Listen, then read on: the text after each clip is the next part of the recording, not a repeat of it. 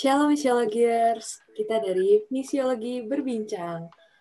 Misiologi Berbincang tuh apa sih gitu kan? Kayak kayaknya asing gitu di telinga. Misiologi Berbincang itu adalah salah satu podcast yang uh, dari misiologi untuk membahas topik-topik menarik seputar kekristenan dan uh, pemuda-pemudi zaman sekarang. Nah, hmm, mungkin ini kayak baru pertama kali gitu ya, episode pertama ini kita bakalan bahas tentang love life relationship with significant other. Pasti pada penasaran banget dong uh, tentang apa aja yang bakalan kita bahas hari ini. So, stay tune terus sampai akhir acara.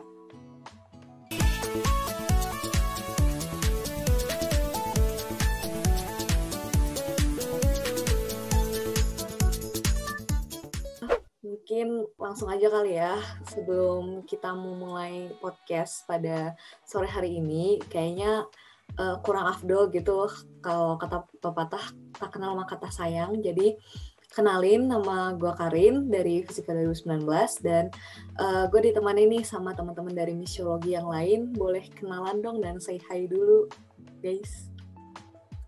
Dari Gian halo. Halo semua kenalin nama aku Gian dari Geologi 2018. Kak Kelly, Kak Kelly.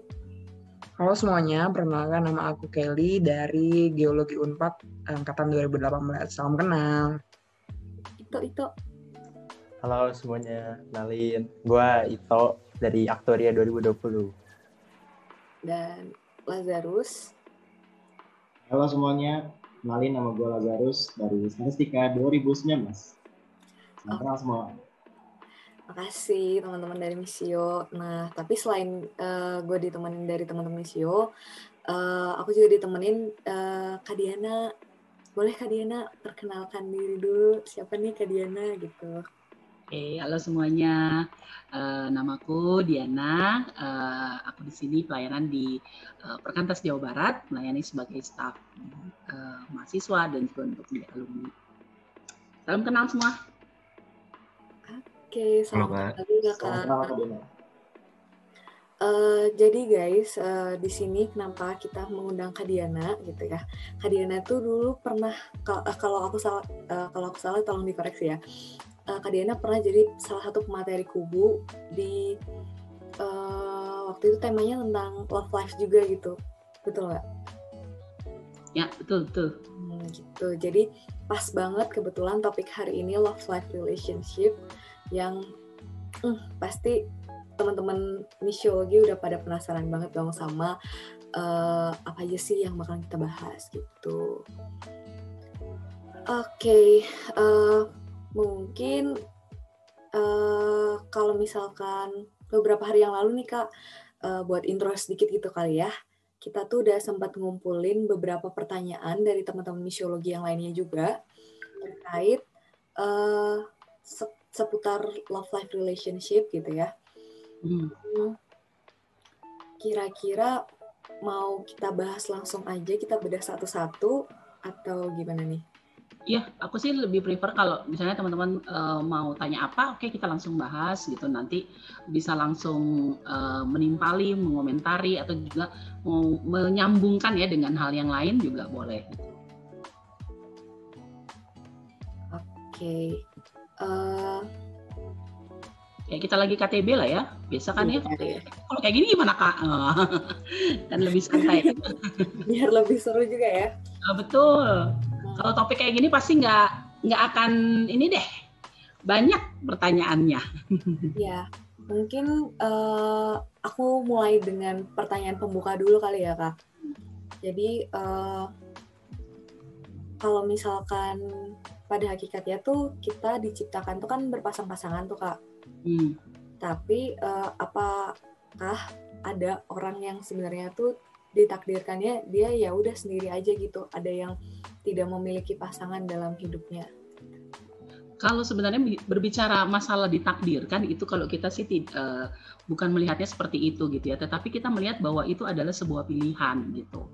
Kalau pad, uh, apa rancangan dari Tuhan sendiri itu kan sebenarnya kita di uh, di dimaksudkan Tuhan gitu ya untuk bisa berpasang-pasangan untuk menikah. Makanya ada uh, mandat gitu dari Tuhan itu beranak cucu dan bertambah banyaklah. Ini kan satu hal yang uh, apa di langsung ya diberikan oleh Tuhan gitu.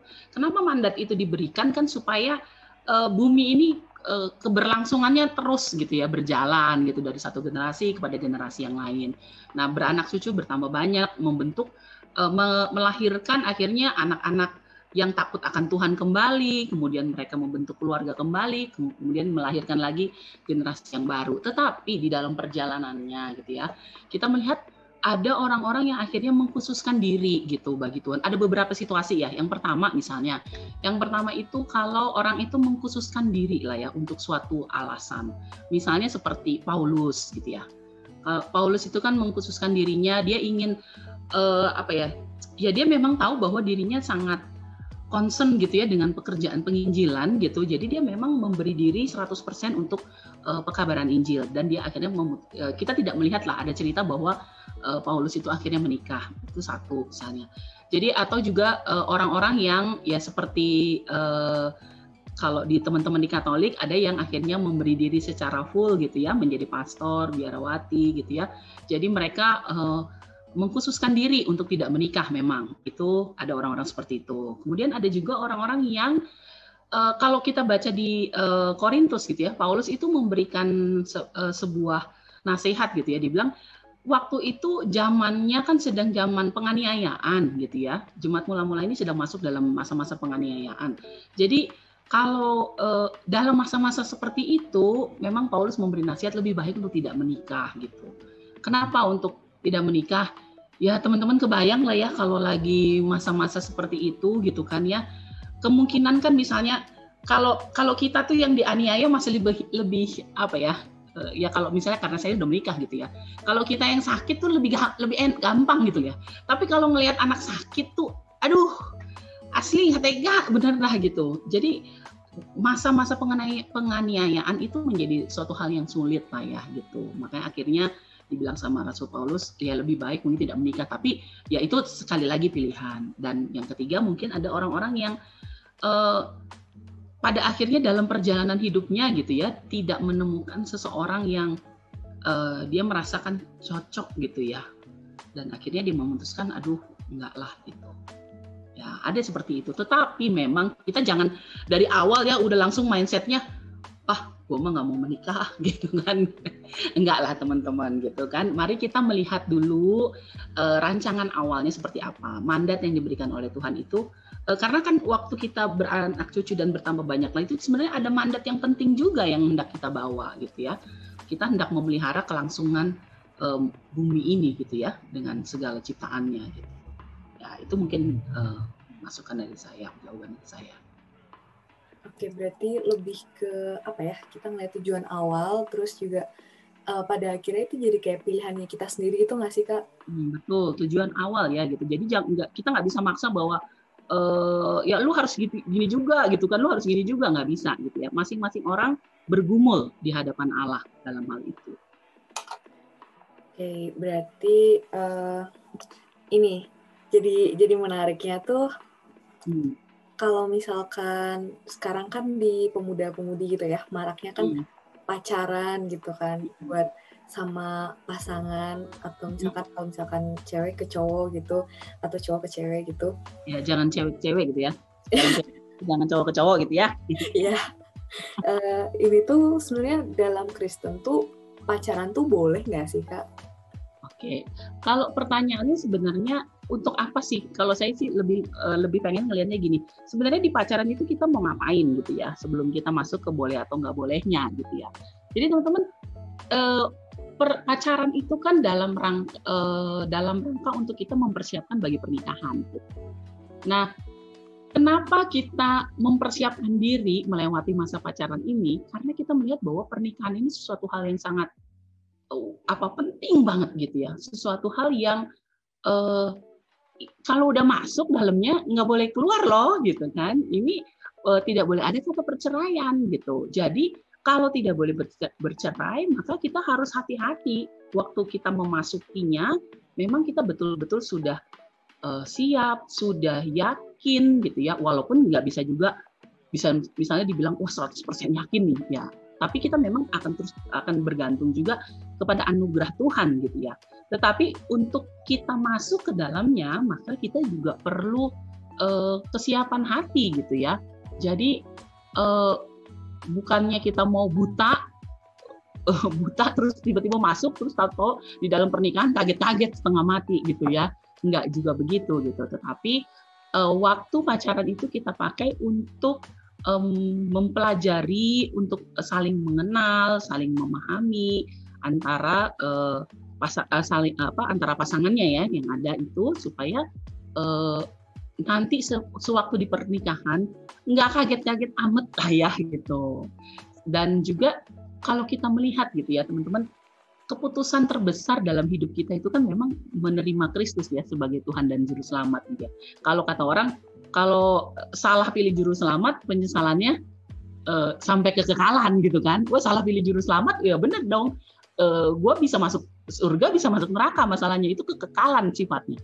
Nah, tapi kalau salah milih uh, apa uh, pasangan nih, suami atau istri, salahnya itu seumur hidup juga teman-teman gitu kan kita bawa tuh sampai ke eh, uh, 40 tahun 50 tahun ke depan gitu karena tidak boleh bercerai gitu kan kita memegang uh, prinsip itu gitu nah jadi uh, berarti kak hmm? uh, kan pacaran tuh berarti kayak misalkan tuh kayak istilahnya tuh kita buat mengenal gitu kan si pasangan hmm, itu kayak karena buat mempersiapkan ke yang lebih serius pernikahan nah hmm.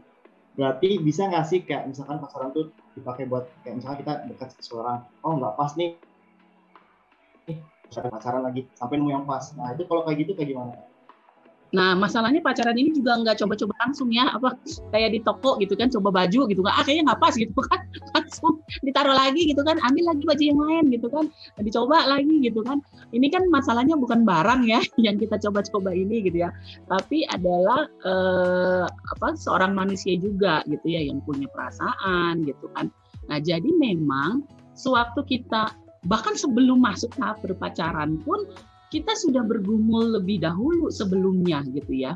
Jangan juga akhirnya uh, eh lu mau nggak pacaran sama gue yuk kita saling mengenal gitu kan. Udah gini gini udah tiga bulan putus bro gitu kan. Terus datang lagi ke yang ke yang lain gitu ya. Eh gimana nih kalau kita saling mengenal yuk? Gini gini gini langsung pacaran lagi gitu kan. Putus gitu kan. Jadi nanti misalnya sampai dengan dia menikah dia mungkin bisa pacaran sampai 20 sampai 30 kali juga gitu ya baru akhirnya menikah. Ya nggak begitu juga gitu ya teman-teman. Jadi masa berpacaran ini kan masa yang sudah lebih khusus ya. Masa yang sudah lebih khusus untuk uh, mempersiapkan kepernikahan. Jadi mindsetnya itu juga memang udah udah lebih ini ya lebih ready. Nih gue pengen nikah nih gitu. Nah supaya nggak apa nggak banyak di pacarannya teman-teman gitu kan. Nah le lebih baik adalah waktu kita menggumulkan di awal gitu ya. Menggumulkan di awal tentang uh, siapa sih orang yang cocok sama gua nih gitu kan. Gua nih tipe orangnya yang kayak gimana sih gitu kan. Gua tipe orang yang uh, apa itu berarti kan kita harus mengenali diri kita sendiri gitu ya. Gue tipe orang yang kayak gimana sih? Gue tipe orang yang cerewet gue tipe orang yang pendiam gue tipe orang yang gimana? Nah gue cocoknya sama orang yang kayak gimana? Kalau lagi sahabatan kan nah ini makanya teman-teman yang penting sekali proses persahabatan. Itu yang jauh lebih penting di awal di, daripada proses berpacaran gitu ya teman-teman. Karena proses di dalam proses persahabatan itu lebih natural lebih apa ya lebih santai dan lebih asli apa adanya kali ya kalau kalian teman-teman di. PMK gitu kan ya eh, sahabatan gitu kan. Kan bisa ngelihat ya aduh gua kalau sama yang si ini gitu ya. Aduh meni bohwat pisan gitu kan. Kalau ngomong mah nggak nggak nyambung aja gitu kan. Ngomong kia gitu kan pasti ujung-ujungnya berantem gitu kan. Tapi kalau gua ngobrol sama si ini gitu kan kita bilang asli nyambung pisan gitu kan. Rasanya nyaman gitu ya. E, terus bisa ngobrolin banyak gitu mulai dari yang ngobrolin apa ya seputaran makan enak di mana sampai teman-teman sampai hal-hal yang bersifat rohani. Nah itu yang penting banget gitu. kalau kita sampai punya sahabat orang yang bisa ngobrol tuh sampai gila gue waktu saat teduh ya tadi pagi ya gue berasa ih gue kayak ketampar banget deh pokoknya gini gini gini gini gini atau kita lagi jalan ya misalnya rame-rame yang jalan gitu ya ke ya biasalah kita ya lagi misal ke mall atau jalan ke mana gitu. Misalnya melihat sesuatu gitu kan terus kita tuh bisa tuh sampai yang ngobrol sama teman kita sampai yang ngomong menurut lu Tuhan tuh kenapa ya mengasih seperti itu ya eh, buat orang-orang yang seperti ini ya? Dia bisa mengembangkan percakapan sampai seperti itu ya percakapan rohani dengan orang dengan orang-orang yang kayak gini nih gitu. Adik-adik bisa pernah ngomong gini kak nggak semu ke semua orang loh kak kita bisa ngobrol hal rohani kata dia gitu kita mungkin kita kan betul ya kita iya. mungkin bisa hahi sama semua orang bisa jadi gitu kan oh gila rame banget gitu gitu ya tapi berbicara sampai kepada hal yang dalam, yang rohani itu nggak ke semua orang. Ya benar. Dan ini sih kak buat menanggapi tadi ya terkait. Hmm. Uh, tapi tapi Rin, tadi berdasarkan tadi yang kak Diana bilang, aku jadi keinget sesuatu dan emang sekarang lagi ngalamin. gimana tuh gimana tuh? Ya. Aduh, friendzone nih, friendzone. Mohon bersabar. Bukan friendzone, bukan friendzone. Ini lebih gimana gimana mas? Kan tadi Kak Diana tuh bilang kayak kalau kalau misalkan di persahabatan tuh kayak tadi Kak Diana bilang yang sampai topiknya tuh sampai ke bisa bicara tentang rohani gitu. Nah, hmm. jadi gini, aku kan lagi ya istilahnya lagi PDKT lah ya sama Guys, mantap. Gitu. Mantap. chattingan, mantap. Chattingan, chattingan nih, dibalas rutin hmm. kok, dibalas.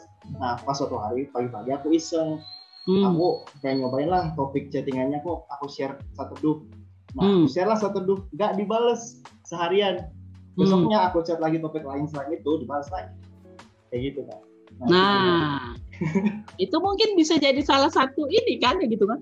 Kalau share-nya yang kayak gini kayak gini responnya cepet.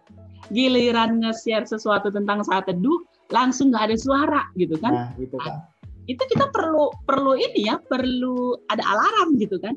Kunaon ya kalau yang kayak gitu-gitu respon cepat tapi kenapa untuk hal yang seperti ini responnya uh, lambat? Tapi kan kita belum tahu ya belum tentu kan karena ini baru satu kali gitu ya.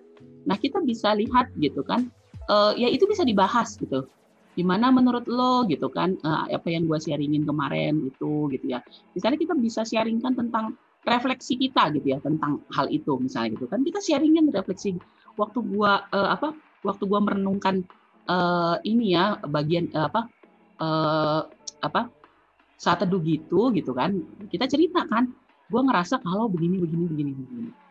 Nah kita cek lah. Di situlah kita me melihat ya bagaimana sih respon dia sebenarnya gitu ketertarikan dia uh, orang bagaimanakah dia mengasihi Tuhan nah ini nanti memang akan masuk ke arah kriteria gitu teman-teman. Nah, kriteria wanita atau pria seperti apa sih yang kita inginkan untuk menjadi pendamping kita gitu, teman-teman. Nah, itu nanti pasti akan masuk ke ranah itu.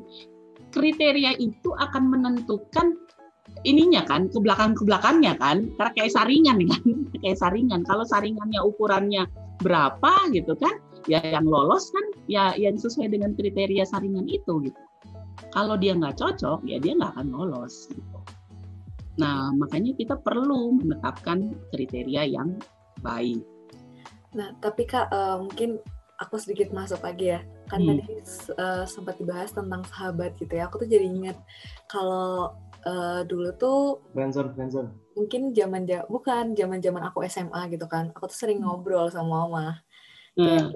mah, uh, kok aku nggak punya pacar ya gitu kan dulu, hmm. dulu emang kayak ya apa ya hopeless banget gitu kali gitu kan kok nggak punya pacar ya mah gitu nggak apa-apa uh, kamu tuh nyari temen dulu yang banyak biar kamu tuh bisa kenalnya tuh secara apa ya biar lebih kenalnya ya udah lebih natural aja gitu. Jadi tadi kayak keinget aja sahabatan terus juga kalau misalkan apa ya kita mulainya dari sahabat dari teman sahabat baru kayak oh lebih kenal lagi kenal lagi tuh jadi apa ya ngerasanya tahapnya perlahan tapi kita bakalan kenalnya seutuhnya gitu nggak sih kak?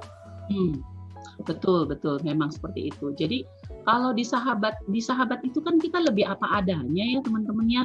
Kita yeah, lebih free lebih uh, lebih optimal gitu. Iya, iya. gitu. Karena kita memang nggak ada nggak ada interest tertentu ya gitu ya. Benar-benar lepas kita apa adanya gitu ya. Mau nunjukin gue orangnya pemarah ya kita nunjukin gitu kan. Gue orangnya picky gitu kan. Kalau ngelihat sesuatu tuh gue cerewet banget. Enggak gue maunya yang kayak gini yang kayak gini kayak gini gitu kan. Semua orang jadi kita tahu kita tuh apa adanya ya. Memang kayak begitu gitu kan oh dia tuh orangnya kalau yang ada masalah lu jangan harap deh lu bisa ngobrol sama dia.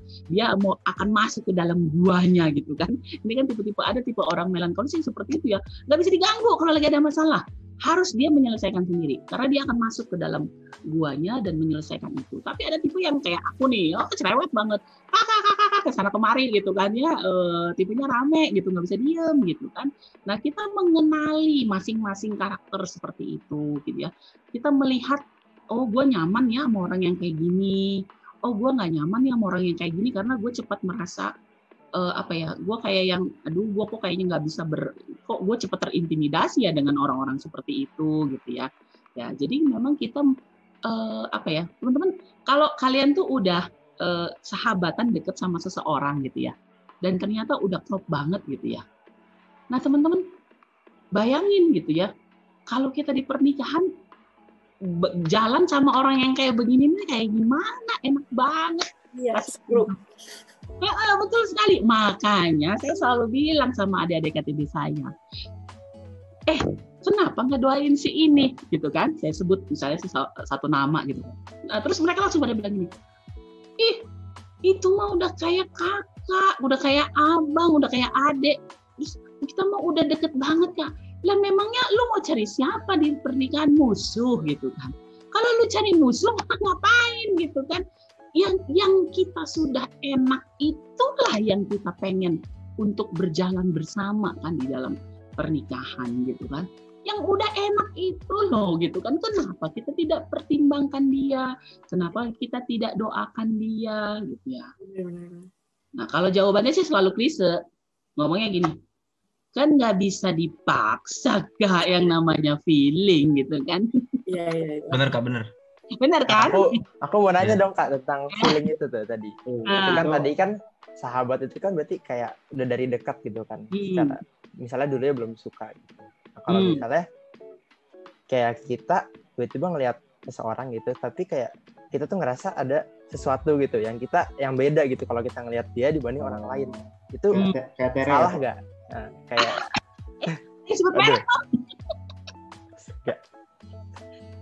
Nah, itu kayak gitu gimana tuh Kak kira-kira? Kalau kayak kita ngeliat orang terus kita kayak ngerasa sesuatu gitu. Nah, memang ini listrik-listriknya nih ya. Ini masalah listrik-listrik gitu kan.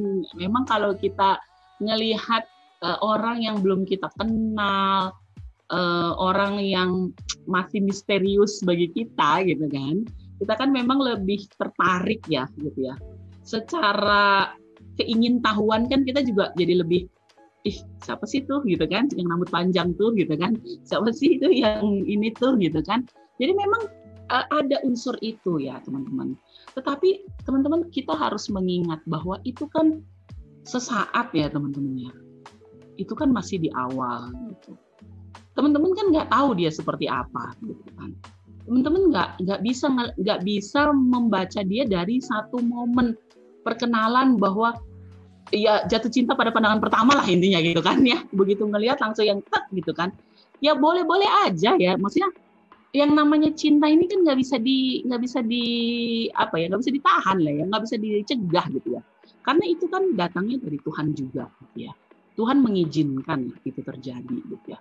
Kita lagi jalan gitu kan tiba-tiba ngelihat anak fakultas mana lewat gitu kan wih langsung tertarik tertarik gitu ya Nah, kita itu tidak itu suatu hal yang wajar, lumrah normal gitu ya.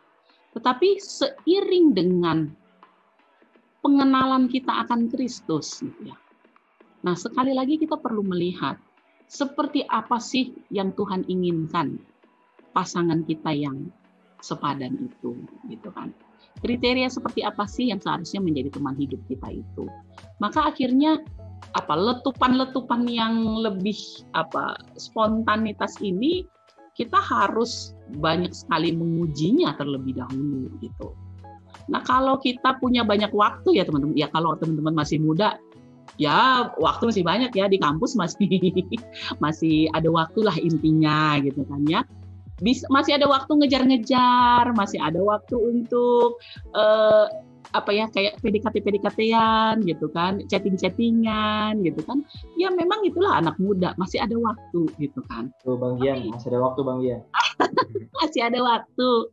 Yang namanya di kampus kan ya begitulah bunga-bunganya perkuliahan ini gitu kan. Tetapi memang bagi orang yang mungkin sudah udah nggak ada waktu lagi gitu, maksudnya udah komunitasnya udah jadi terbatas, waktu juga kalau teman-teman udah mulai kerja gitu kan udah sibuk gitu ya. Konsentrasi itu udah udah habis lah mungkin di kerjaan gitu ya. Waktu untuk PDKT yang kayak gitu-gitu mungkin nggak banyak gitu.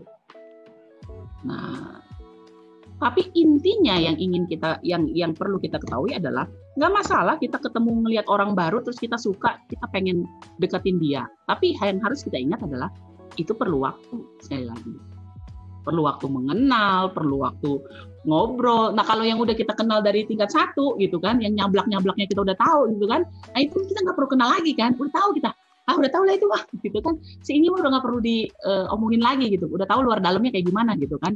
Uh, orang sering banget nongkrong di PMK berantem dulu kerjanya gitu kan, uh, gara-gara satu bidang gitu kan. Ini gimana sih dulu gimana gitu, udah sering nggak berantem gitu kan, udah sering berantem, udah sering baik kan, uh, udahlah sering gitu ya Nah, teman-teman, yang seperti itu memang kelihatannya tidak menarik ya, sahabat-sahabat kita yang sudah sering kita temui itu. Nah, makanya saya selalu bilang sama uh, apa adik-adik saya juga gitu kan, cobalah untuk mendoakan. Ya memang kan kita nggak punya feeling ya, kan namanya juga sahabat dari awal. Kita kan memang tulus-tulus aja gitu kan. Jadi semuanya memang temen gitu. Nah, tetapi waktu kita melihat bagaimana dia mengasihi Tuhan dengan sungguh-sungguh, bagaimana kita melihat dia itu orang yang ih, dia orang yang karakternya sangat baik banget ya gitu ya. E, bagaimana dia bertumbuh di dalam pengenalannya akan Tuhan gitu ya.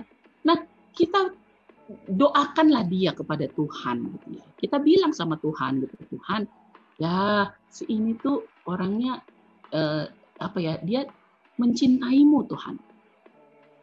Si ini dia mencintaimu. Aku tahu dia mencintaimu. Aku tahu dia banyak bertumbuh di dalam PMK ini gitu ya. Aku tahu dia orang yang punya kasih yang besar gitu. Tapi Tuhan masalahnya, aku nggak punya feeling sama dia gitu kan. Mau digimanain juga nggak punya gitu kan. Nah teman-teman, itulah kenapa kita perlu untuk mendoakan. Ya, kita perlu doakan dia. Gitu. Ya awal mulanya pasti nggak ada feeling mas teman-teman Nah, tetapi bagaimana menumbuhkannya? Yaitu kita berdoa, minta Tuhan untuk menolong.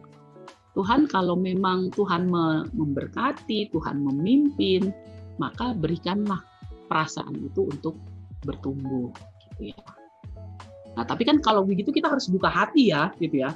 Kan kita harus membuka hati kita untuk mengasihi dia gitu kan. Jangan kita doa gitu tapi awal mulanya kita udah hmm, gitu kan. Uh, aduh enggak lah enggak lah kalau dia mah udah nggak cantik. Nah, kalau cowok-cowok kan biasanya kayak gitu nih kan. Nah. kalau pria-pria kan kita sudah tahu langsung gitu kan kecenderungannya seperti apa. Nah, tapi memang kita perlu uh, ya teman-teman kan sudah waktu nanti di PMK kan belajar itu ya. Di MHB ada MHB bab 10 itu tentang uh, apa? love, sex and dating itu ya. Tentang bagaimana kita mencari seorang teman hidup gitu.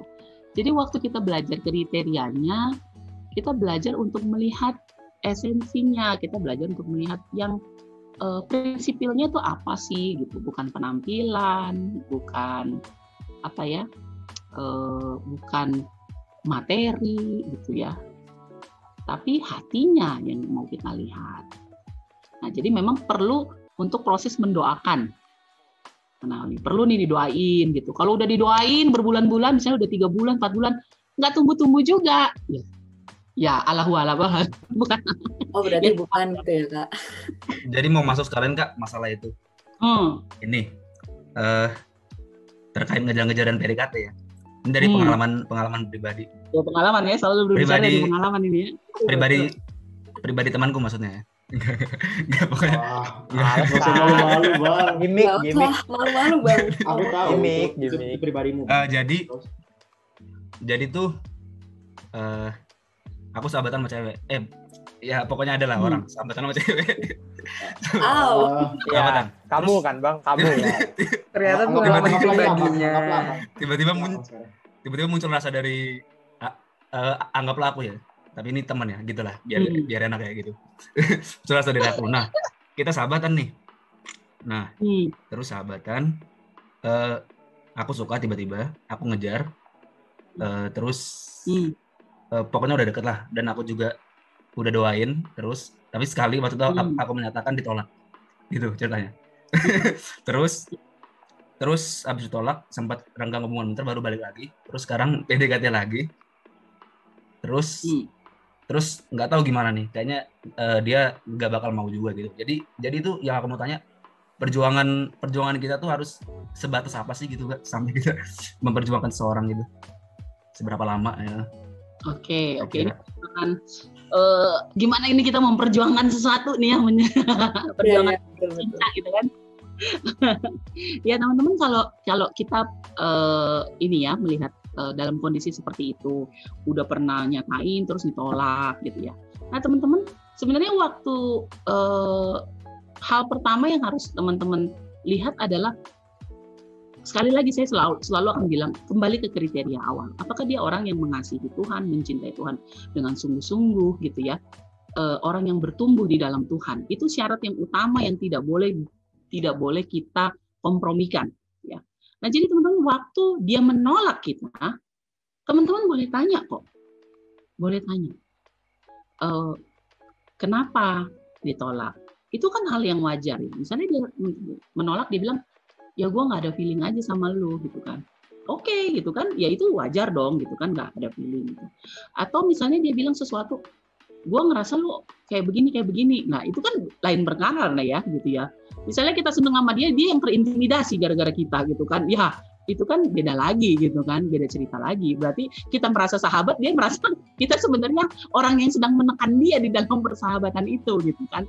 Nah itu kan bisa beda-beda kasus. Jadi teman-teman boleh nanya ke dia apa yang menjadi mas uh, uh, alasannya untuk menolak gitu ya. Jadi kalau ada alasannya seperti apa ya teman-teman bisa melihat gitu ya.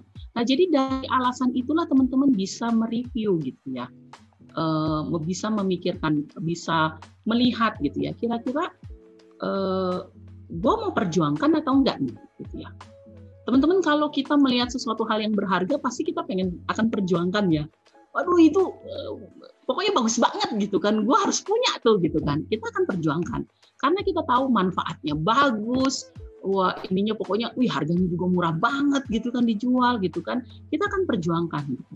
nah kalau kita juga melihat seorang yang kita tahu uh, ini ya uh, apa ini orang yang baik mencintai Tuhan yang bertumbuh gitu kan uh, ya kita patut untuk perjuangkan gitu ya tetapi kita juga perlu melihat uh, itu di dalam pergumulan kita bersama dengan Tuhan. Sampai sejauh mana sih kita perlu berjuang uh, terus ya konsisten gitu ya.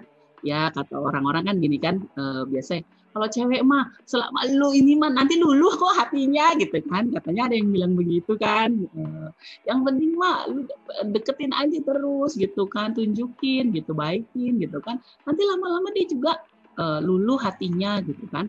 Ad, uh, maksudnya kita bisa uh, menggumulkan kembali lagi seperti yang tadi Dian bilang ya. PDKT-in lagi nih sekarang gitu kan.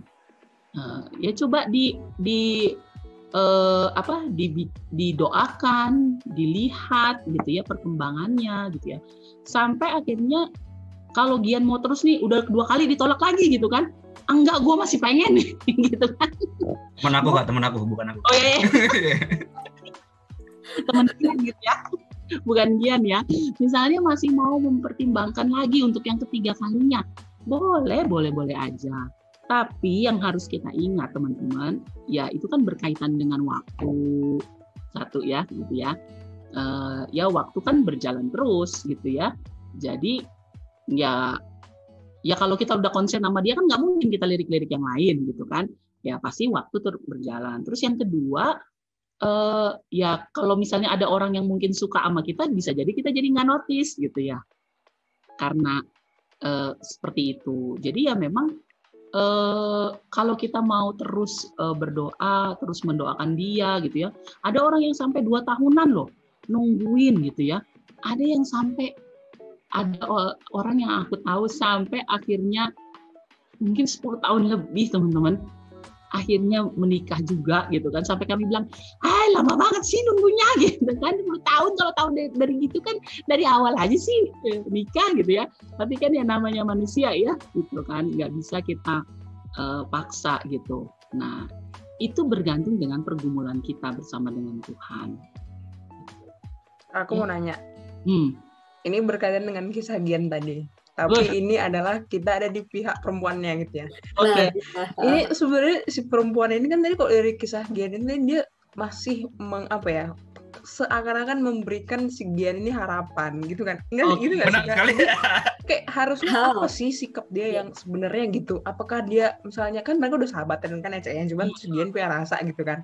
Nah apakah gara-gara ditembak itu persahabatan mereka harus harus berhenti gitu? Atau kalau misalnya si cewek ini nggak mengopenin si Gian lagi berarti persahabatan mereka terhenti gitu kan? Hmm. tapi apa sih sebenarnya sikap yang benar dari si cewek ini gitu? Biar misalnya kalau memang dia nggak ada rasa dan nggak bakal ada rasa itu tuh dia harus ngomong gitu gak sih ke Giannya tapi perjalanan eh, apa persahabatan mereka tetap berjalan gitu tuh gimana sih kak? Hmm. yang benar tuh gitu. Benar-benar. Kalau aku sih ngerasa gini ya masih persahab kita kan bersahabat harusnya ya eh, apa ya terus berjalan ya. Persahabatan itu kan eh, tetap berjalan gitu kan. Tetapi memang kita kalau kita sebagai wanita kita juga harus jelas dengan uh, jawaban kita gitu mau mau. Enggak enggak. Jangan mau yang enggak enggak gitu kan gitu. Kalau mau ya tunjukkan sinyal mau gitu ya. Kalau tunggu nyatakan tunggu gitu. Misalnya kita mau bilang e, aduh tunggulah kayaknya aku mau bergumul ini sesudah nanti selesai skripsi. Ya jelas kan? Nah makanya ditolak ini alasannya apa gitu kan? Itu yang kita perlu uh, dapatkan lebih jelas gitu. Supaya itu bisa menentukan uh, gue ke depannya mau move on atau enggak gitu. Nah itu kan yang perlu diperhatikan. Nah bagi kita juga sebagai uh, mau ini mau sisi perempuan mau sisi cowok gitu ya jangan kita juga mempermainkan uh, apa perasaan uh, or, apa ininya apa teman kita itu gitu ya. Kalau kita tahu dia kan dia kan udah menyatakan kan berarti kan kita tahu dia suka dengan kita kan gitu terus kitanya nggak mau terima. Tapi kalau pergi ke mana-mana, lu mau nggak nemenin gua? Boleh nggak lu anterin gua gitu kan? Lu kemarin nolak gitu kan, tapi lu pakai dia bener-bener udah keterlaluan kalau kayak begitu. Namanya orang udah baper gitu ya, tapi dimintain tolong anterin sana, anterin sini gitu kan. Ya gimana kalau kayak begitu? Baper lagi ya kak eh. Dah baper lagi gitu kan.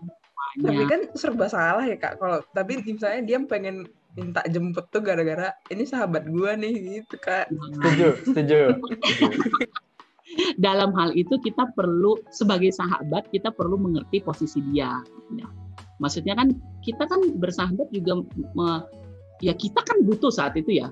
Kita memang butuh seseorang karena aduh gila udah malam nih gue perlu uh, perlu jemputan nih gitu kan tetapi kita juga perlu memikirkan bagaimana perasaan dia gitu kan intinya kan kalau waktu kita bersahabat dengan dia berarti kan kita juga menyayangi dia sebagai sahabat ya menyayangi dia sebagai sahabat dan kita juga tidak menginginkan dia terluka gitu nah itulah kenapa waktu kita berpacaran ini kalau kita bertemu dengan orang-orang yang dewasa rohani gitu ya eh, kita akan melihat eh, mau ceweknya yang ngomong duluan nggak akan masalah karena kita tahu dia orang yang dewasa rohani gitu.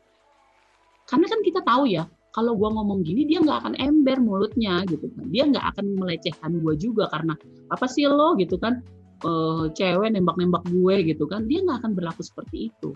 Tapi dia orang yang punya pemahaman yang baik tentang firman, punya pemahaman yang baik tentang relasi, sehingga kalau ada orang yang datang menyatakan perasaannya buat dia gitu ya, dia bisa mengambil sikap yang baik. Jadi kalau kita memang tidak, jawabannya memang tidak, ya makanya tolonglah teman kita supaya dia juga tidak baperan dan bisa move on gitu ya. Ya, walaupun dia sahabat kita, walaupun mungkin dulu de deket ya, tapi dalam hal ini karena eh, ada ada sesuatu kita sedang menolong dia untuk bisa move on, ya kita juga harus mengambil jarak ya. Dan itu juga memang harus dibicarakan gitu. Misalnya kita ngomongan ke dia, aduh gue bukannya nggak mau jadi sahabat lu lagi atau misalnya mau relasi kita sebagai sahabat jadi rusak ya, tapi gue memikirkan bagaimana lu bisa terus bisa berjalan di dalam uh, perasaan lu gitu kan.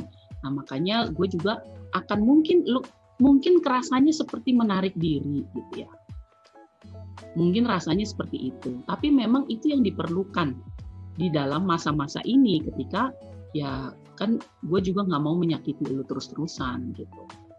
Nah itu yang kita perlu banyak belajar. Waktu kita udah bersahabat dan mengasihi di dalam kasih persahabatan ya, kita akan memberi apa belajar juga. Waktu kita udah bertumbuh di dalam Tuhan, itulah yang akan terjadi ya persahabatan yang sangat indah. Oke, mungkin itu dari aku. Oke, uh, kalau um, tadi kan uh, sempat kebahas juga ya kak berarti kayak kriterianya. Nah, hmm. uh, gimana sih kayak kita tuh beneran tahu apa yang kita mau? Maksudnya dalam berhubungan pacaran gitu ya, sama kayak uh, oh ini nih yang tipe aku banget, tipe gue banget gitu. Gimana sih kayak cara tahu itunya? Oke, kalau yang perlu kita lihat teman-teman, makanya kita perlu me, melihat lah ya, meliskan lah ya, kriteria sebenarnya seperti apa sih yang yang yang Tuhan mau ya. Pertama yang Tuhan mau dulu gitu ya. Nah yang Tuhan mau dulu itu seperti apa sih kriterianya? Kalau di kejadian 2 ayat 18 itu dikatakan bahwa waktu Tuhan itu menciptakan Adam, dia melihat bahwa kok nggak ada nih yang sepadannya dengan si Adam gitu ya. Maka karena tidak ada yang sepadan, maka diciptakanlah Hawa gitu kan. Mencari pasangan, akhirnya Tuhan menciptakan Hawa yang dinilai sepadan dengan Hawa, dengan Adam. Ya, gitu. Itu di, di kitab kejadian. Kemudian di uh, Korintus juga dinyatakan uh, seperti ini ya teman-teman. Janganlah kamu merupakan pasangan yang tidak seimbang dengan orang-orang yang tak percaya gitu ya. Gim, ya teman-teman kan teman-teman ini mau ikut Tuhan gitu ya. Terus yang satunya pengennya ikut yang lain, ya kan nggak akan mungkin jalan nih kan teman-teman. yang satu pengen ke sono, yang satu pengen yang satu pengen ke timur, yang satu pengen ke barat, nggak akan mungkin bisa berjalan. Sering terjadi sih kak. Di, Hah? sering terjadi di era-era. Terjadi, iya bener banget gitu. Nah makanya kita harus uh, clear dengan uh, kriteria kita ini. Gitu. Ya. Teman hidup kita adalah orang yang seiman, sepadan dengan kita. Yang kalau kita ngobrol, apa sih tujuan hidup kita yang terutama? Kan memuliakan Tuhan. Maka pasangan kita pun harus menjadi harus merupakan orang yang inginnya memuliakan Tuhan juga di dalam hidupnya. Supaya ngobrolnya ini nyambung gitu kan ya. Kan kita membangun bahtera rumah tangga. Dua-duanya pengen jadi kapten, satunya kapten pengen ke sana, satunya kapten pengen ke sini, nggak akan bisa. Nah, teman-teman ketika kita tahu kriteria itu gitu ya, maka baru kita akan mendasari itu uh, mendasarkan uh, apa ya pencarian kita lah ya pencarian kita kepada kriteria itu. Ya. Nah tapi ada juga hal-hal lain mungkin yang ingin kita, yang menjadi uh, pertimbangan misalnya kalau orang Batak, ya kan? Udah ada titipan kan dari dari bapak gitu kan dari dari kampung udah dititip gitu kan. Pariban pariban ah pariban gitu kan. Harus orang Batak juga misalnya gitu kan. Harus ini harus itu. Nah teman-teman juga harus mempertimbangkan itu gitu ya. Misalnya kalau teman-teman bilang ah gue mah nggak mau yang kayak gitu-gitu. Gue pokoknya mau yang gue mau gitu kan. Oke silakan gitu kan. Tapi teman-teman perlu tahu konsekuensinya gitu kan nah tapi kalau teman-teman bilang ya oh, bagus juga sih kalau bisa menikah dengan sesama orang Batak atau misalnya dengan sesama orang uh, Chinese atau sesama orang Toraja gitu ya. Oh ya udah bagus gitu kan. Uh, aku sih uh, mendukung juga mendukung itu kok gitu kan. Dari sisi keluarga jadi lebih enak, sisi budaya juga lebih enak misalnya. Oke okay, gitu kan, nggak masalah gitu kan. Tapi kalau itu terjadi ya berarti kan kita harus ya harus tahu lah. Uh, kalau kita misalnya tiba-tiba ketemu sama orang yang berbeda suku, ya kita jangan ngegas ke yang situ gitu kan kan awalnya tadinya kita bilang kita mau yang sama suku tapi ya sekali lagi teman-teman yang boleh dikompromi silakan berkompromi gitu ya. Udah dari awal misalnya bilang harus sesuku, wah pokoknya gue mah sesuku lah, setujulah dengan orang tua. Eh dalam pergerakannya tiba-tiba melenceng gitu kan. Ya nggak masalah gitu. Selama yang kriteria paling uh, basic itu tidak dikompromikan, ya. Nah, kalau kita ingin mengetahui, nah sesudahnya dari itu, sesudahnya dari itu adalah proses pengenalan dan persahabatan. Itu sekali lagi ya. E, kalau kita tuh semakin e, apa bergaul dengan banyak orang, kita semakin punya sensitivitas kan untuk itu natural lah ya. Secara natural kita akan bisa memiliki itu. Nah, semakin kita bertumbuh di dalam Tuhan, kita pun punya sense untuk mengenali siapa saya gitu. Nah, waktu kita semakin bertumbuh dalam Tuhan, semakin kenal, oh gue nih orangnya yang kayak begini ternyata ya, gitu ya. Waktu di KTB kan kita sering ngobrol gitu kan, lu tuh orangnya Karin, lu tuh orangnya kayak gini, kayak gini, gini, gini gitu kan. Nah kita kan semua saling uh, apa ya dalam per, dalam persekutuan yang sehat, kita akan banyak mengalami gesekan-gesekan itu kan gitu. Makin kenal tuh kita tuh siapa Nah, makanya penting sekali proses uh, persahabatan, persekutuan yang sehat itu. Itu nanti kita akan bisa melihat bisa melihat dari faktor kenyamanan itu tadi ya. Dengan orang-orang seperti ini nih gue nyaman banget gitu ya. Kalau ngobrol nyambung gitu. Uh, kalau dengan orang-orang yang seperti ini, waduh gue sensitif bisa gitu ya, nggak bisa gitu kan. Nah itu kita punya sense-nya lah ya akhirnya dari situ. Oke, uh, berarti tadi kalau aku boleh review dikit kak nih, uh, hmm. berarti lihat tujuan apa ya? Tujuan dari Tuhan itu apa, dari diri kita sendiri apa, terus nanti gimana kita ngebangun hubungannya sama orang tersebut, gitu bukan? Hmm, betul. Jadi ya interaksi kita lah ya, nanti kita akan bisa melihat. Dan termasuk doa, doa bagaimana kita uh, proses kita bergumul bersama dengan Tuhan ya. Gitu kan. Nanti kan eh, apa ya waktu misalnya kita bilang nih Karin misalnya udah berdoa gitu kan. Aduh Tuhan Lazarus kayaknya eh, ini juga deh gitu kan oke juga nih gitu kan. Kita mulai berdoa gitu kan. Eh, cinta Tuhan gitu kan ganteng gitu ah, baik gitu kan kayaknya bisa. Bisa masuk, terjadi bisa. terjadi masuk masuk masuk. Masuk masih masuk masuk masuk masuk. Masih masuk gitu kan gitu. Kita mulai mendoakan. Dan kemudian di dalam proses doa kita gitu ya eh, apa ya Tuhan memberikan momen-momen gitu ya. Kita diberikan kepekaan untuk melihat ih pas kemarin PMK ada kesempatan untuk eh, nyiapin minuman bareng gitu kan waktu lagi nyiapin minuman bareng makanan minuman itu mau jadi ngobrol kami gitu kan wah dan feelingnya enak ya gitu kan uh, asik gitu kan ya. Nah itu kan uh, apa ya uh, terbangun lah ya suasananya. Jadi doa kita pun mengalami sebuah perkembangan sampai akhirnya kita mendapatkan sebuah keyakinan iya ya ini ya Tuhan ya. Nah terus kita doakan. Nah, berarti ini aku buat contoh aja kali ya, Us ya. Hmm. Kalau misalkan nih nanti nantinya gitu ya Kak Lazarus gitu udah berkomitmen atau pacaran gitu Kak. Hmm. Batasan dalam pacaran tuh apa sih? Kayak boleh nggak sih pegangan tangan atau apa sih ngerangkul atau pelukan gitu boleh gak sih Kak dalam Kristen tuh? Oke. Okay. Ya memang kalau udah bicara masalah ini nih ini bahaya nih gitu ya. Iya dan sering juga kan jadi kayak perdebatan gitu emang ini sebenarnya boleh nggak sih? Gitu kan. Hmm. Teman-teman memang ini masalahnya bukan diboleh atau enggaknya sih ya teman-teman. Tetapi lebih diarah ke teman-teman prinsipnya. Prinsipnya apa yang sekali lagi yang perlu kita lihat? Di dalam berpacaran ini sekali lagi yang perlu kita lihat itu adalah menjaga kekudusan. Itu yang perlu kita ingat. Pacaran itu kuduslah kamu sebab aku kudus ya. Jadi kita diminta untuk menjaga kekudusan kita. Itu hal yang sangat penting sekali. Nah, dalam berpacaran hal inilah yang paling eh, apa ya bahaya gitu ya untuk dilanggar. Menjaga kekudusan itu. Makanya memang orang mewanti-wanti gitu kan. Eh awas ya jangan ini, eh awas jangan itu, jangan ini. Sebenarnya alasannya karena itu untuk uh, menjaga untuk menjaga kekudusan uh, kekudusan kita gitu ya.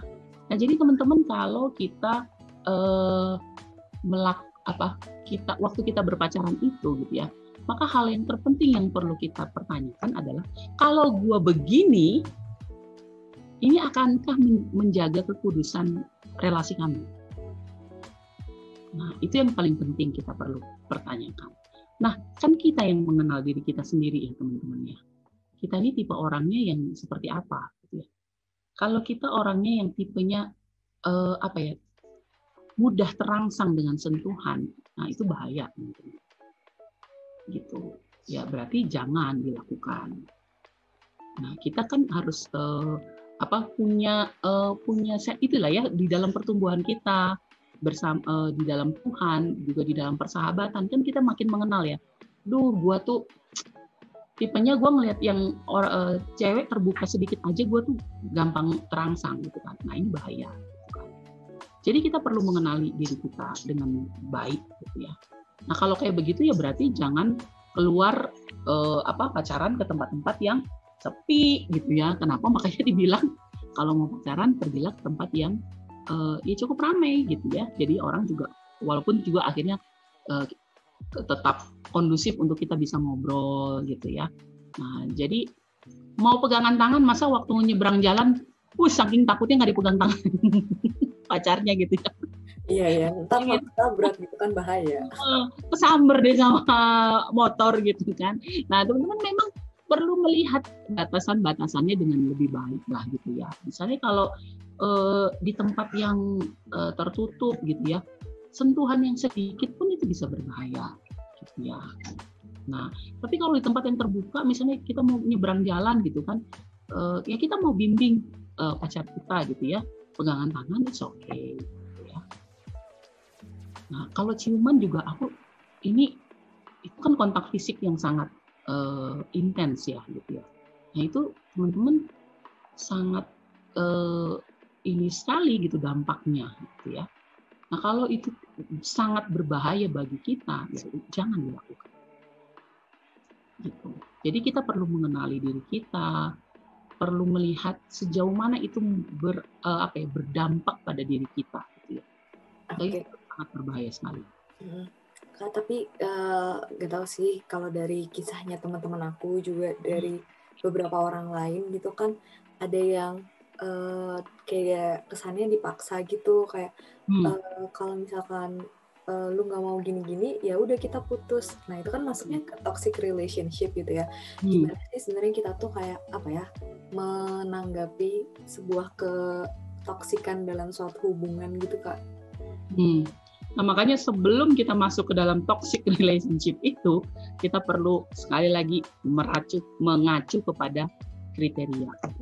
Kalau kita bertemunya dengan seseorang yang mencintai Tuhan, kita tahu kita pasti tidak akan masuk ke dalam toxic relationship. Waktu kita masuk ke dalam toxic relationship, berarti kita sudah melanggar yang nomor yang fondasi dasarnya itu. Pasti itu udah dilanggar duluan. Makanya kita masuknya ke toxic. Kalau dia orang yang mencintai Tuhan, nggak akan mau dia uh, apa ya? Maksudnya, waktu kita bilang kita mau menjaga kekudusan ya, pasti di jawabannya juga ya harus.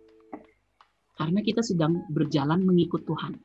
Hmm. Tapi kalau dia bukan orang yang eh, meng, apa mencintai Tuhan, mengenal Tuhan, pasti dia mintanya kayak gitu. Kenapa sih lu nggak mau gue cium gitu kan? Hmm. Uh, semua orang juga kalau pacaran kayak gitu gitu kan. Dia tidak mengerti akan konsep kekudusan. Dia nggak tahu itu. Bahkan mungkin bisa sampai ekstrim ya gitu.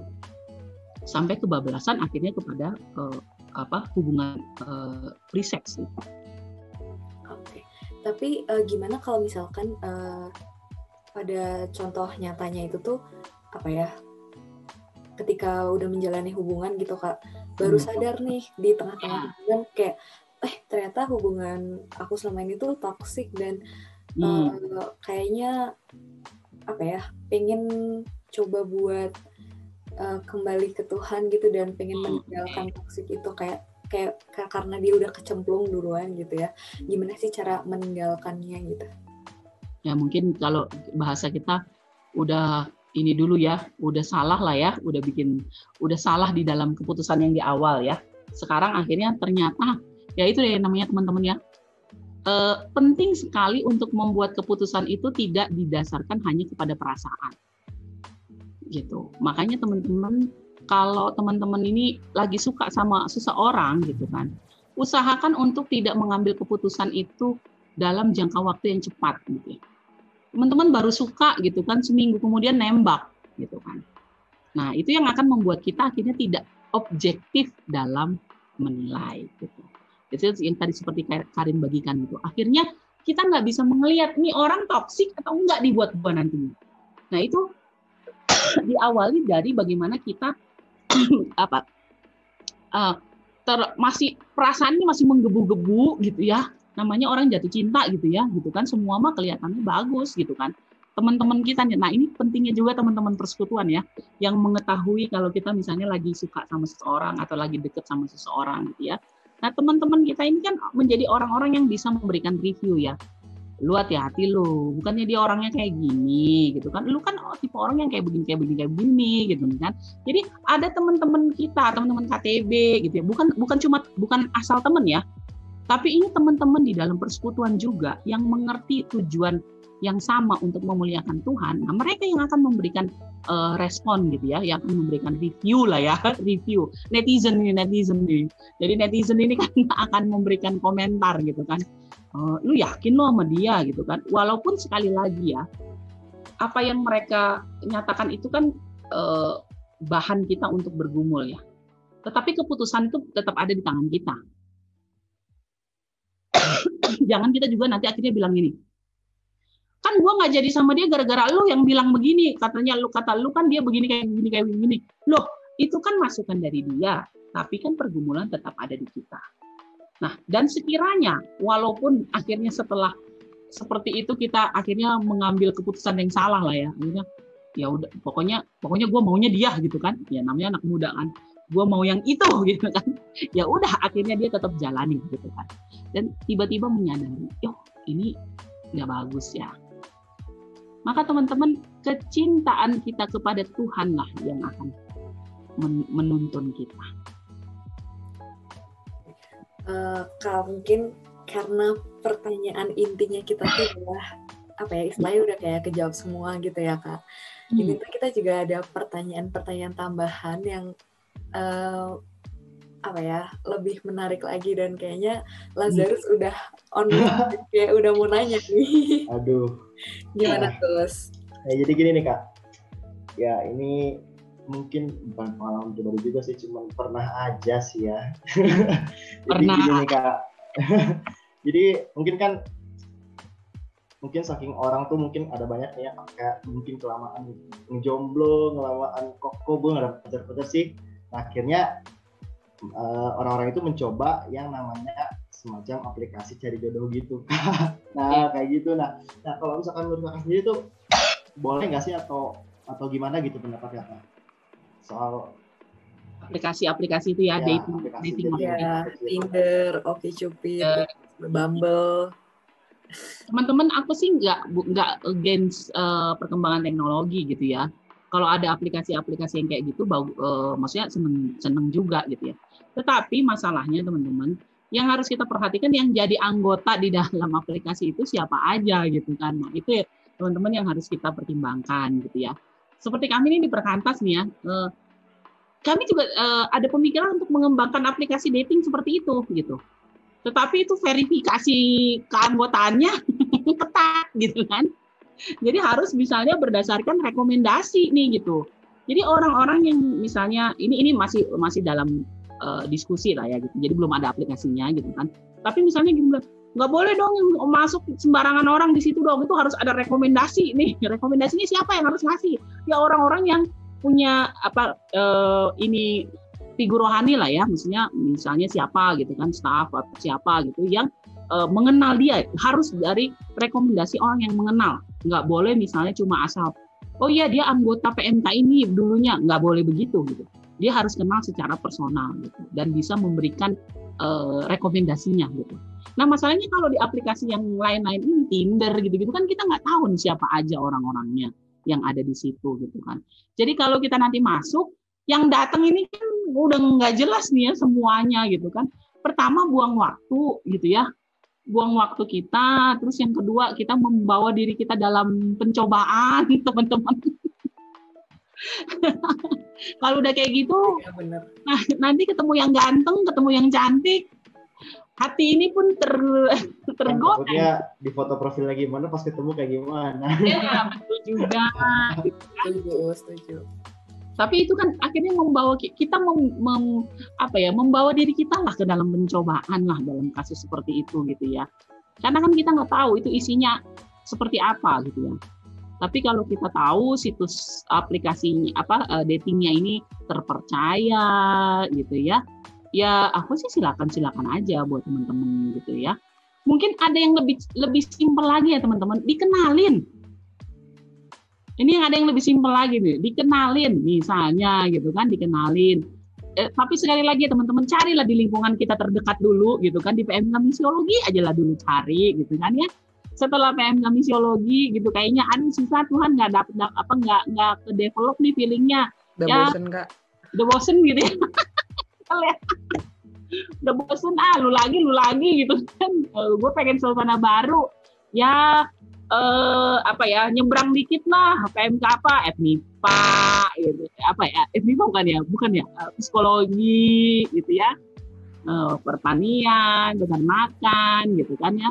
Atau misalnya lewat uh, ya rekomendasi itu ya gitu kan. Kita misalnya punya temen temen ke temen gitu ya nah makanya teman-teman jangan uh, apa kembangkanlah uh, relasimu gitu seluas mungkin gitu ya jadi kan bisa punya semakin kita punya relasi yang lebih luas uh, semakin kita bisa mengembangkan banyak persahabatan ya gitu ya dengan teman-teman yang lain. Jadi ya lebih baik begitu daripada kita ke aplikasi yang nggak jelas gitu kan. Lebih baik lewat rekomendasi temen nih gitu kan.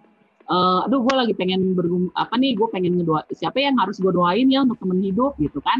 Nah misalnya uh, teman KTB kita gitu ya, eh gue kenal loh ada satu anak ini gitu kan. Uh, baik anaknya gitu kan Nah, coba deh lu nggak ini gue kenalin lo sama dia mau nggak lo gitu kan nah itu teman-teman bisa seperti itu gitu. Rekomendasi kakak KTB kita ya atau abang KTB kita gitu kan. Kan itu biasanya kayak gitu kalau saya selalu merekomendasikan heh apalagi yang cowok-cowok gitu ya. Gitu. saya merekomendasikan kenapa kamu nggak uh, doain si ini si ini si ini si ini? Apa yang kurang dari dia? Gitu kan. Coba uh, cantik iya gitu kan. Uh, orang orangnya cinta Tuhan iya gitu kan. Emang ada masalah apa? Nggak ada masalah apa apa sih? Ya udah gitu kan. Kenapa tidak dimulai dengan mendoakan mereka gitu kan. Kalau nggak ada feelingnya ya sudah nggak apa-apa gitu kan. Tapi mulailah untuk melihat dengan apa ya kalau kita bilang mata rohani lah ya jangan lihat dengan mata jasmani aja.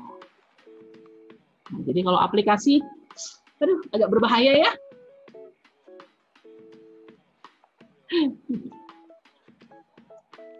Kita coba yang uh, kecuali sudah terpercaya pembuat aplikasinya, bolehlah kita ikut. Gitu. Iya sih, jadi lebih baik rekomendasi langsung gitu kayak di aplikasi kayak gitu nggak jelas juga kan. iya ya. Er, kalau itu kan kita nggak tahu ya latar belakangnya seperti apa, orangnya seperti apa, uh, sudah banyak kan kasus penipuannya ya dipikirnya uh, cewek tahu-tahu aslinya cowok ya. Ternyata Ada dia lebih hanya... parah lagi kak. Sampai oh, ya? ini apa? Penjahat seks gitu. Ya betul. Iya sih. Penjahat seksual ya gitu. Sama yang seperti kasus yang kemarin baru kita lihat di Bogor itu ya. Yang pembunuh berantai gitu kan. E, dua orang itu kan dia kenal lewat medsos ya. Gitu. Ya, jadi mem, terlalu besar lah e, resikonya gitu untuk kita melakukan hal seperti itu. Nah kalau itu sih masukan dari saya. Jadi kalau misiologi nanti di mengembangkan aplikasi, wah mantep kan? Verifikasi keanggotaan dari PKTB-nya. Hmm, jadi langsung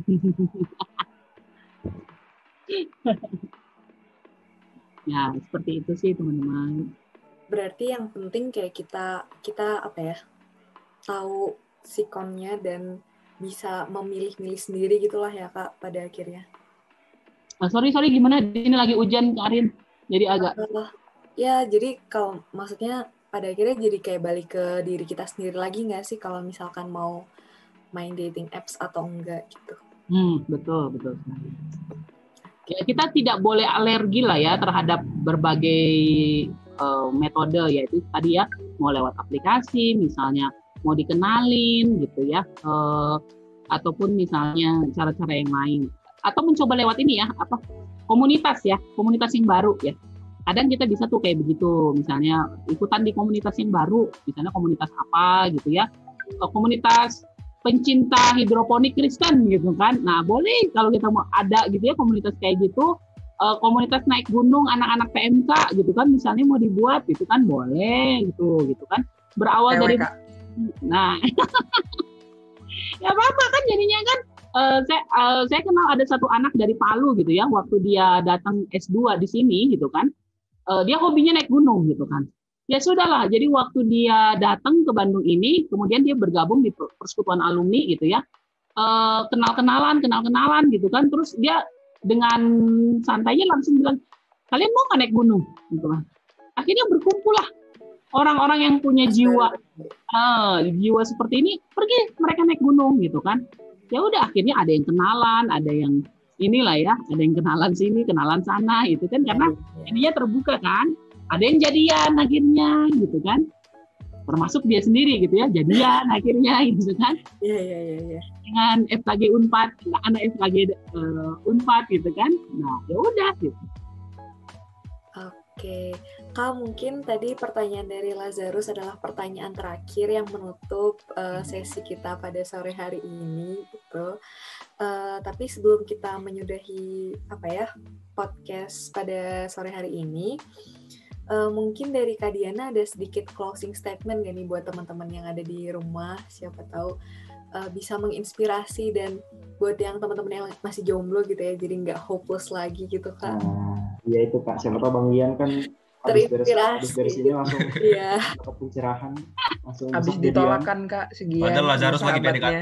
Padahal Lazarus lagi PDKT juga tadi. Eh. Oke, uh, jadi ini ya, waktu kita sedang bergumul untuk mencari teman hidup, maka teman-teman jangan pernah memisahkan itu dari Tuhan sendiri. Karena waktu kita melakukan ini, ini kan uh, sebenarnya uh, sebuah mandat dari Tuhan yang diberikan untuk kita, gitu ya.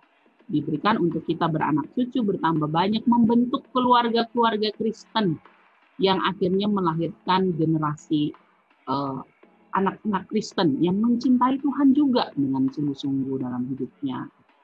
Nah, hal itulah yang melandasi kita akhirnya bergumul dengan serius untuk apa kita uh, mencari teman hidup yang sama-sama juga mencintai Tuhan. Faktor ini tidak boleh ditawar. Dan di luar sana ada banyak sekali yang menggoda kita gitu ya. Menggoda kita untuk akhirnya berkompromi dengan uh, dengan uh, kriteria yang paling utama ini. Gitu. Uh, adik KTB saya kadang sering bilang gini, Kak, bad boys itu selalu lebih menarik daripada anak PMK gitu ya. boys ya kan, iya betul gitu kan, bad boys gitu.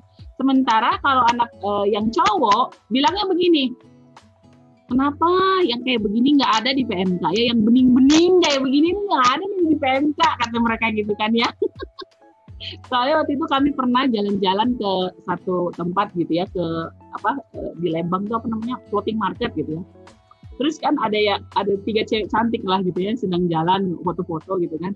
Terus kami kami bilang lah ke salah satu temen ini eh, eh, eh coba sih deketin tuh coba kenalin gitu ini cantik-cantik banget gitu kan. Terus statement dia lah yang membuat kami langsung ketawa ngakak gitu. Karena dia bilang ini ah kak kalau yang kayak gitu mah bukan anak PM pak kami langsung emang yang kayak gitu gimana ya maksudnya jadi kok kesannya seperti anak PMK itu nggak nggak nggak uh, apa nggak suka dandan nggak suka yang uh, fashionable gitu ya kayak gitu-gitu. Makanya kami langsung tertawa lah waktu mendengar respon seperti itu. Nah, jadi ya teman-teman, eh, bagaimana kita eh, mencari teman hidup? Mari kita sekali lagi kembali kepada eh, fondasi yang utama. Apa sih yang mau kita lakukan? Hidup kita adalah untuk memuliakan Tuhan. Maka eh, pencarian kita akan pasangan adalah untuk mencapai tujuan itu, untuk memuliakan Tuhan. Supaya kita akhirnya tidak terjerat kepada banyak sekali pencobaan. Mungkin kalau teman-teman sekarang masih kuliah masih banyak masih lebih apa ya? punya banyak waktu gitu ya. Tapi kalau teman-teman sudah kerja itu lebih susah lagi gitu ya. Perjuangannya lebih berat lah ya mencari teman hidup. Makanya didorong untuk teman-teman yang udah masuk tingkat tiga, tingkat empat, gitu, mari mulai mulai mendoakan. Walaupun misalnya nggak harus yang oh apa eh, langsung nembak orang gitu ya, wah semester lima langsung nembak aja gitu kan, pokoknya udah tingkat tiga nih gitu kan, izin udah keluar dari PKTB gitu kan, nggak nggak juga gitu ya. Tetapi mari belajar untuk mulai menggumulkan. Mungkin nanti pacarannya baru pas waktu udah selesai kuliah, tapi setidaknya kita sudah mulai memikirkan, menggumulkan, dan akhirnya mempersiapkan diri dengan baik. Supaya betul-betul nanti ketika kita memasuki uh, lembaga pernikahan, maka kita akan menjadi berkat bagi banyak orang. Mungkin itu dari Oke, makasih Kak Diana dan Kak Gian sama Kak Kelly udah tingkat tiga. Semangat ya. Semangat Kak Kelly, semangat banget. dari lama mempersiapkan dirinya, tinggal nunggu yang siapnya ya, aja. Mulai dari yang ber, berlima ini dulu aja gitu kan, Gak usah jauh-jauh yang berlima ini. Kalau itu kalau itu masih awal masih. Itu masih awal, ya. Masih muda, masih muda. Masih banyak persiapan gitu. Tapi udah ada kan tuh? Iya. Udah tiba-tiba ya, dosennya kan. Oke. Okay. Uh, orang pun memandang engkau rendah karena engkau muda itu. Tunjukkan nih. Siap, siap, siap. Itu itu. Itu dia toh. itu langsung menggandeng seseorang gitu ya. Udah. Udah banyak fitnah ya dari kemarin ya. Korban fitnah ya toh ya. Betul deh kalau udah bahas topik ini selalu langsung deh keluar tuduhan-tuduhan. Emang betul. betul, betul. Uh, mungkin itu dulu buat podcast hari ini. Aku mau bilang mau mengucapkan terima kasih banyak buat Kak Diana yang uh, udah nyempetin hadir dan teman-teman misiologi yang aktif banget dari tadi pertanyaannya dan uh, tanggapannya sangat responsif ya di podcast pertama. Ternyata udah banyak banget yang jadi keluh kesahnya teman-teman juga. Dan uh, terima kasih banyak lagi buat semuanya. Uh, sampai jumpa dan Ditunggu di podcast selanjutnya. Terima kasih. Preview.